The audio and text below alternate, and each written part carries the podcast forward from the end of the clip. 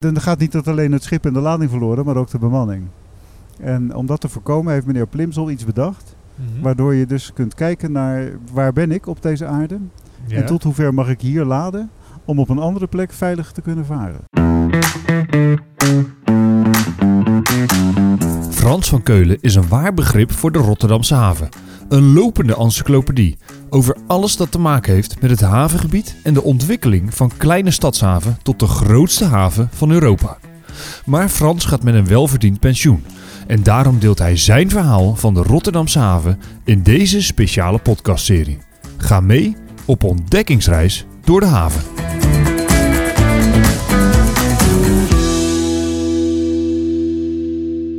Mijn naam is Selwyn Frenzen en in deze podcastserie ga ik samen met Frans op ontdekkingsreis door de haven.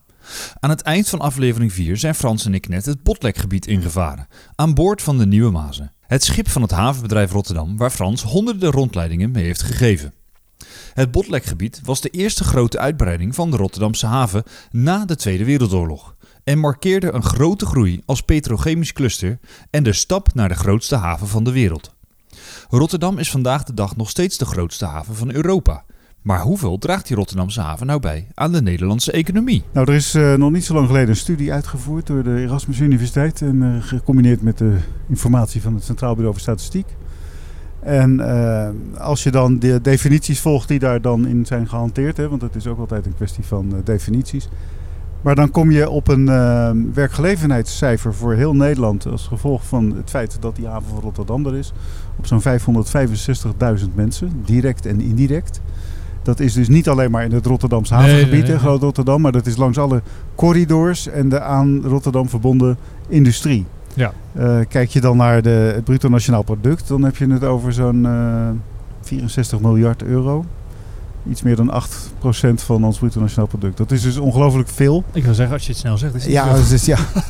kijk, je, kijk je naar het Rotterdams havengebied zelf, eh, dan heb je het over werkgelegenheid voor zo'n. eh, in, in Rijnmond, zullen we maar zeggen, het havengebied zelf en de omgeving van zo'n 190.000 mensen. Ja.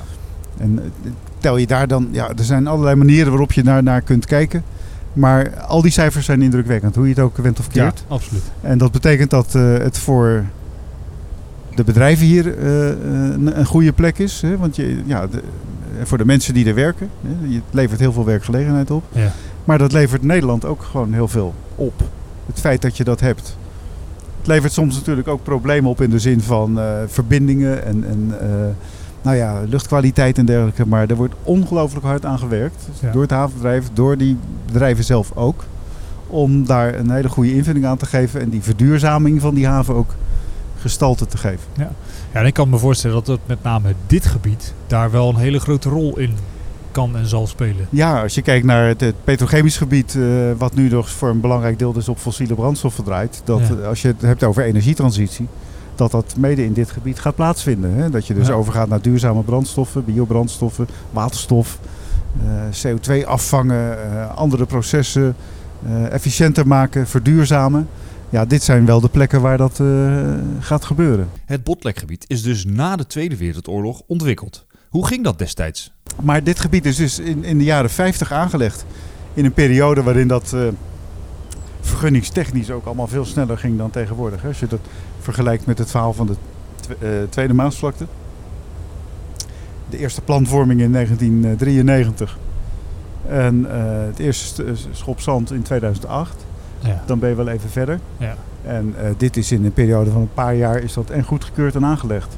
Ja. Maar andere tijden. Hè. ja, want dat was ook net na de Tweede Wereldoorlog natuurlijk, waar het net over had. En toen er was heel erg drang naar een, een versnellingsslag om ge- ja, geleden verliezen in te halen. Ja, ja, ja. Kijk, die, die oorlog heeft natuurlijk eh, die, eh, de haven geen goed gedaan. In de zin dat het een hele tijd heeft stilgelegen. Want ja, Ja. was natuurlijk niet veel meer actie. Nee. Eh, maar o- die haven is ook nog eens een keertje eh, ernstig eh, vernietigd.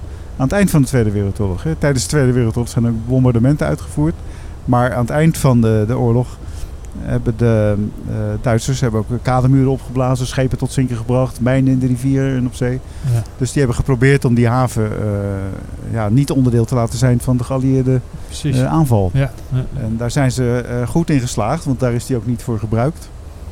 En dat betekende dat je na de Tweede Wereldoorlog zo snel mogelijk moest werken aan het herstel van de bestaande haven. Maar wel, ja, we merkten natuurlijk ook wel, en we zagen ook wel, dat als je Europa weer opnieuw moest opbouwen, dan gingen havens daar wel een hele belangrijke rol in spelen. Want er waren Ja. tekort aan allerlei producten, bouwmaterialen, maar Ja. ook voedsel. En havens zijn dan een ideale plek om dat te doen. En dat heeft ook, eh, ja, we zijn toen ook allemaal langzaam weer eh, begonnen met eh, nou ja, het aanschaffen van een auto bijvoorbeeld. Ja. Waar ik woonde in, in, in de Sparrelaan in Rijswijk, toen ik daar een klein jochie was, daar stonden misschien vier personenauto's. Nou, dat was al veel. hè. Zo'n oude Renault Dauphine. en Kan je je niet meer voorstellen. Kan je niet meer voorstellen. Je kon echt op straat spelen. Nou, ik, heel enkel keertje kom ik daar nog wel eens. En daar, Het staat nou, helemaal vol Het staat helemaal vol aan weerszijden. ja.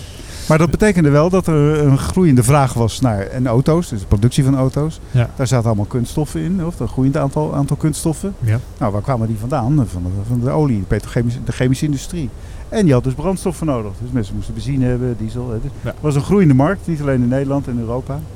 Nou ja, daar heeft de haven van geprofiteerd. In het Botlekgebied bevindt zich ook een van de verkeerscentrales van de Rotterdamse haven.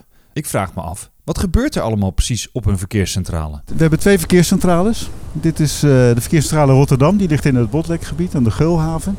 En we hebben er eentje die eh, ligt in eh, Hoek van Holland, Ja. aan het begin of het eind van die boulevard. Twee karakteristieke gebouwen. En vanuit hier wordt het scheepvaartverkeer eh, 24 uur per dag begeleid en geïnformeerd.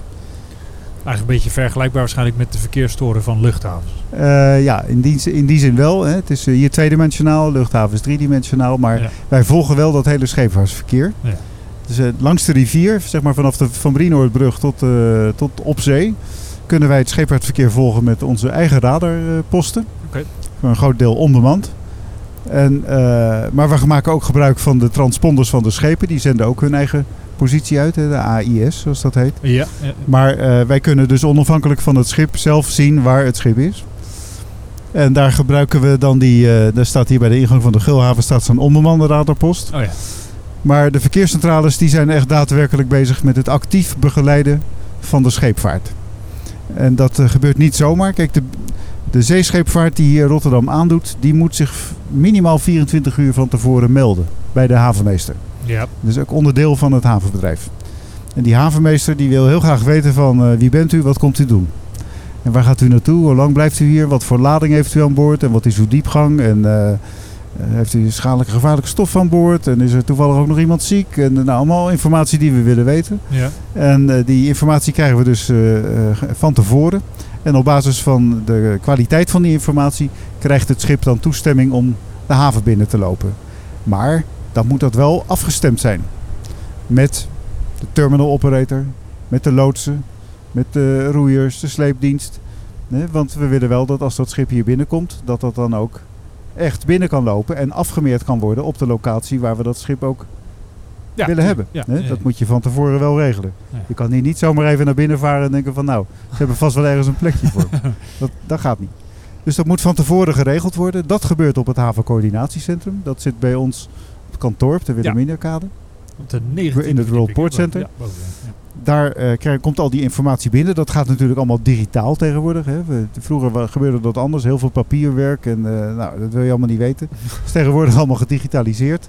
En eh, door de manier waarop ermee gewerkt wordt en eh, gecontroleerd ook veel betrouwbaarder. En die informatie die, eh, die komt binnen. Dan wordt er afgestemd met al die partijen die die dienst verlenen om dat schip hier binnen te halen. eh, om dat te- coördineren en af te stemmen. En op het moment dat het schip hier dan ook daadwerkelijk voor de kust verschijnt, dan moeten ze ook contact opnemen met de verkeerscentrale. En de eerste verke- verkeerscentrale die ze dan zien is Hoek van Holland. Ja. Ja. En de haven is verdeeld in sectoren. En elke sector heeft zijn eigen radiofrequentie en zijn eigen VTS-operator, Vessel Traffic Service Operator. En dat is de persoon die in de verkeerscentrale zit en verantwoordelijk is voor het scheepvaartverkeer, of het toezicht, het scheepvaartverkeer in die specifieke sector. En elke keer als je van sector verandert, dan moet je je als kapitein of als loods Melden bij de eh, volgende. melden dat je eh, bij die volgende sector bent. En wij volgen dat natuurlijk wel op radar. Maar die VTS-operator wil ook weten, wat ga je nou doen in deze sector? Ga je nou eh, bakboord uit of ga je stuurboord wal varen of ga je eh, de havenbekken in? Of, whatever je bewegingen ook zijn, Wat kom je doen? die moet je melden. Je moet melden wat je gaat doen. En de schepen die in dat gebied varen, in diezelfde sector, die moeten ook uitluisteren op datzelfde kanaal. Ja. En dan kunnen ze dus horen wat de andere schepen doen die in de buurt zijn. En als je twijfelt of je, je weet niet precies hoe of wat, of wat dan ook, dan kun je altijd contact opnemen met die verkeerscentrale. Ja. En die helpt jou dan verder. Die informeert jou, gidst jou, eh, geeft jou voldoende informatie zodanig dat je veilig op de rivier kunt bewegen. En daardoor dragen ze bij aan een heel veilig scheepvaartbeeld, scheepvaartverkeer in die haven. Ja. En dat, dat doen ze 24 uur per dag. Dat gaat dag in dag uit, jaar in jaar uit, gaat dat door. Het is, wel een, een pittige baan, denk ik. Ja, want eh, er zijn bepaalde sectoren. Nou, we varen er nu net langs heen, hè, bij die verkeerscentrale Rotterdam. Daar heb je de ingang naar de Botlek, naar de Gulhaven, de, de Oude Maas. Ja. Je hebt verkeer op de rivier. Eh, ja, dat kan alle kanten op gaan. Dus als je Ja. deze sector hebt te bedienen. Gebeurt best Je ziet hier nou een, een binnenvaartschip, dat vaart eh, eh, bakboord. Nee, In plaats van stuurboordwal vaart hij aan bakboordzijde. Ja. Stuurboordwal betekent eigenlijk niks minder dan rechts houden. Net als op de weg geldt, je plaats op de weg is rechts. Of in dit geval, je plaats op het water is rechts. En daar heeft hij wel even moeten melden of toestemming voor moeten krijgen. Ja. Want het andere scheepvaartverkeer moet er wel op bedacht zijn dat hij aan, aan, eh, aan Ja. deze verkeerde wal vaart. Ja, wat, ja, even voor, voor in, in verkeerstermen vertaald. Hij rijdt aan de verkeerde kant van de Hij rijdt aan de... Ja, het is een, eh, ja, je zou kunnen zeggen het is een spookrijder. Ja, Maar in dit geval is wel het, eh, toestemming. is het bekend met toestemming. Ja.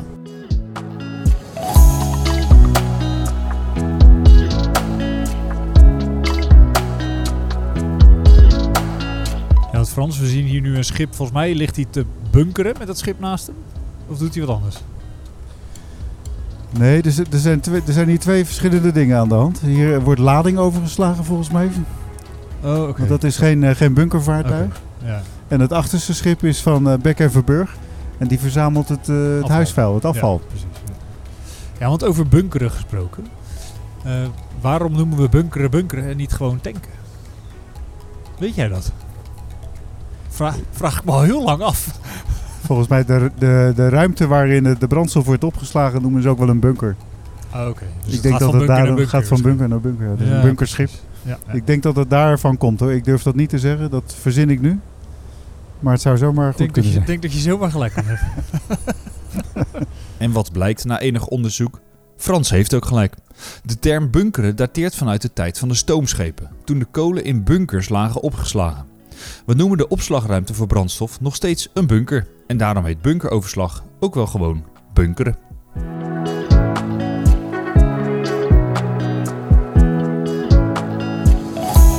Nee, maar het interessante is als je, als je het hebt over schepen, Ja. zeeschepen, dan staan er aan de buitenkant allerlei tekens. Hè? Dus bijvoorbeeld eh, waar een, eh, een boegschroef zit. Ja. Of Ja. eh, waar de, de sleepboot mag duwen. Hè? Er staat dan tuk. Eh, maar er staat ook een, eh een plimsolteken. Ik weet niet of je dat ooit kent. Het nee. plimsolteken. Nee. Dat is een, eh, een, een verticale streep. Met aan de bovenkant een haakje naar rechts. En de onderkant een haakje naar links. En dan verschillende markeringen. En in, in, langs, die, langs die verticale streep. En een cirkel in het midden. Dat is het plimsolteken. Ja. En meneer Plimsel, dat is ook daadwerkelijk een meneer geweest. Dat is een eh, lid van het, eh, het Engelse parlement. Ja. In een tijd dat er eh, heel veel gevaren werd, maar ook heel veel schepen verloren gingen. Omdat ze waarschijnlijk te zwaar beladen waren. En dat komt omdat als jij in Azië, of in dus, Brits-Indië of zoiets, als je daar Ja. je schip ging beladen, dan kon je dat tot op een andere diepte beladen dan in de Atlantische Oceaan. Gewoon omdat de zoutgehaltes verschillen. En je hebt dus zoutisch, eh, eh, tropisch zoutwater en je hebt Atlantisch zoutwater, je hebt tropisch friswater en zo. De- En ehm, door het eh, zoutgehalte in het verschil in zoutgehalte heeft dat te maken met het, met het draagvermogen van het ja, schip. Ja. Dus als je hem te zwaar laat op een plek waar er een hoog zoutgehalte is, bij wijze van spreken, en hij komt in een plek waar er een laag zoutgehalte is, dan gaat hij dieper het water Ja, in. En als je hem te zwaar belaadt, dan gaan die schepen ten onder. Eh, grof gezegd, zo eventjes. Hè? ja, ja. En eh, dan gaat niet dat alleen het schip en de lading verloren, maar ook de bemanning. En om dat te voorkomen heeft meneer Plimsel iets bedacht. Mhm. Waardoor je dus kunt kijken naar waar ben ik op deze aarde. Ja. En tot hoever mag ik hier laden om op een andere plek veilig te kunnen varen. Dat is wel een hele goeie. Ja, dat is wel heel handig. nou dat heeft heel veel mensenlevens gered.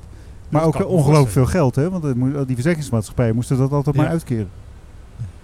Dus kijken of we dit op dit schip ergens zien staan. Eens kijken of het hier staat. Ja, je ziet het. We Ja. varen nu langs de Hafnia Ackroyd. Oh ja, ja, ja daar zie ik het. Ja. En daar zie je dat Plimsoll markeringstekentje staan. ja. En dat, dat dateert al uit de 19e eeuw, hè? Dus het is echt wel eh, 1850 of zo in die buurt. Ben je benieuwd hoe het Plimsoll-teken eruit ziet? Neem dan een kijkje op onze website porterofrotterdam.com slash ontdekkingsreis. We hebben het Botlekgebied weer verlaten als we een voor Frans bijzonder punt passeren. Nou ja, we komen zo direct weer bij een eh, bekend punt. Tenminste, op het water is het wel te zien als zodanig. Eh, v- varen we zo over de Benelux-tunnel heen. Oh, oké. Ja. links en rechts hebben we de, ja, de lucht inlaten. Of. Ik weet niet precies wat dat, eh, Ja, wat dat de- doet. Ja. de ventilering. Maar het is altijd wel interessant dat als je hier staat, op dit niveau op de Nieuwe Mazen, dat je dan ook links en rechts de verkeersborden ziet. dat je daar dan overheen vaart. Dat is toch altijd wel weer ja, bijzonder. apart moment. Ja. Nee, we zijn eh, onderweg naar de Eemhaven. En we varen nu zo'n beetje over de, de Benelux-tunnel heen. Oké. En hier zit een bedrijf als eh, Mammoet. Ja. En die- dat, je ziet dat eh, kantoor daar ook staan in de vorm van een soort grote bolder. ja. En het bijzondere van Dat dat, is kantoor van Mammoet. dat is, ja, en het bijzondere van dat kantoor is dat dat elders gebouwd is. Op een eh, ponton is gezet. Oh, echt joh? En hier naartoe is gevaren. En eh, dan prik je de stekker erin en dan heb je stroom en dan branden. Want het hele gebouw was al helemaal kant en klaar. Wauw. En dan, eh, ik heb dat op een gegeven moment, eh, ik geloof op, op een ochtend of het begin van de middag, heb ik dat binnen zien komen varen. Ja. En toen had ik, s'avonds had ik een gezelschap aan boord van een schip mee we door de haven vaarden. En toen brandde daar het licht al. dat was heel bijzonder. Nou, dat kan ik me heel goed Ja. voorstellen. Ja. Dat is wel apart. Nou ja, zo heb ik ook de, de piloon van de Erasmusbrug voorbij zien komen. ja, nou die heb ik alleen op foto's gezien. Ja. maar Ik heb hem wel gezien. Maar toen zaten wij nog met het hoofdkantoor eh, in eh, de, de gebouwen van het Europoint. Aan de Marconiplein, Galvanistraat. Ja. En daar had je prachtig uit, uitzicht op de, op de Waalhaven. Maar ja, dit soort bijzondere vormen van transport zag je dus ook voorbij komen. Onder andere dus de Erasmusbrug. Ja. Ja. Nou, hier de, nu de, de werf van eh, Dame. Ja. Vroeger Wildond Feyenoord. Met eh, daarachter een, eh, een eh, beroemd kranenbouwer, Huisman. Oké. Ja, die, die, liggen, bouw- ja. die hebben bijvoorbeeld een, een van die kranen gebouwd die ook op de Pioneering Spirit eh, wordt ja. gebruikt. Ja. We hebben het petrochemische cluster inmiddels echt achter ons gelaten en varen richting Eemhaven. Een bijzondere plek voor de containergeschiedenis van Rotterdam. Dus we gaan richting de Eemhaven. En daar is eh, de containerisatie in Rotterdam eigenlijk begonnen. De- toen de eerste containerschip hier eh, binnenkwam, bij Quick Dispatch. Dat was Eh, hier. Ja, 60, 66, 67. Er zijn, soms verschillen de boekjes daar nog wel eens over. Eh, toen werden de eerste 270 containers eh, hier gelost. En dat was achterin in de Eemhaven. En dat was eigenlijk een firma die zich bezighield met stukgoed. Dus daar kwam heel veel binnen met, met pallets en zakken en balen Ja. en dergelijke. Maar toen kwamen ook ineens de containers. En dat heeft weer een hele nieuwe ontwikkeling in gang gezet. Ja, die, daar hebben we tot op de dag van vandaag natuurlijk nog steeds de gevolgen en de, plukken we ook eh, de vruchten van. Ja. Eh, want ja, containervervoer is natuurlijk niet meer weg te denken uit eh, deze wereld. Nee, zeker niet. Er gaan miljoenen containers elke dag over de wereld. Ja, Rotterdam vorig jaar nog de 15 miljoenste in een jaar tijd. binnen. Ja, dat is echt, eh, is, ja, ja, dat is echt een enorm aantal. Ja. Ja, dat is, eh, zo- dat is wel boeiend. Hoe havens zich dan eh, met elkaar vergelijken. Dat gaat dan vaak in tonnen.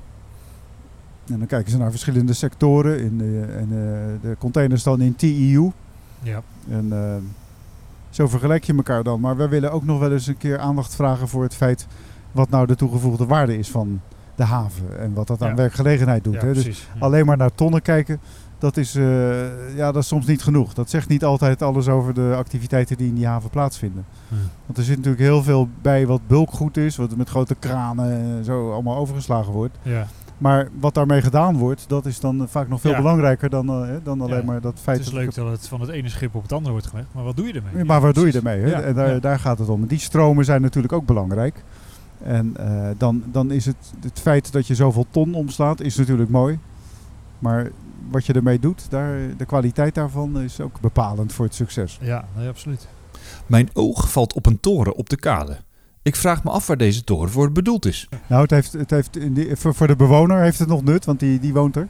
Eh, maar, Oh, het is een eh, huis nu? Nou, nu wel. Het, waren, vroeger, het zijn de oude radartorens van de Rijkswaterstaat. Oh, oké. Eh, bij de ontwikkeling van eh, het verkeer langs eh, de Nieuwe Waterweg werd er ook gekeken van hoe kun je dat scheepvaartverkeer, wat steeds maar drukker werd, Ja. nou veilig eh, door die haven loodsen. Ja, ja. En dan moet je zelf toezicht houden. En je, ja, dan kan je wel op de, op de kade gaan staan. Maar ja. ja, dat is een eh, stuk man. nou, nou, radar was natuurlijk al eerder uitgevonden. Ja. En toen heeft de Rijkswaterstaat een aantal radarposten langs eh, de Nieuwe Waterweg gezet en langs de Maas.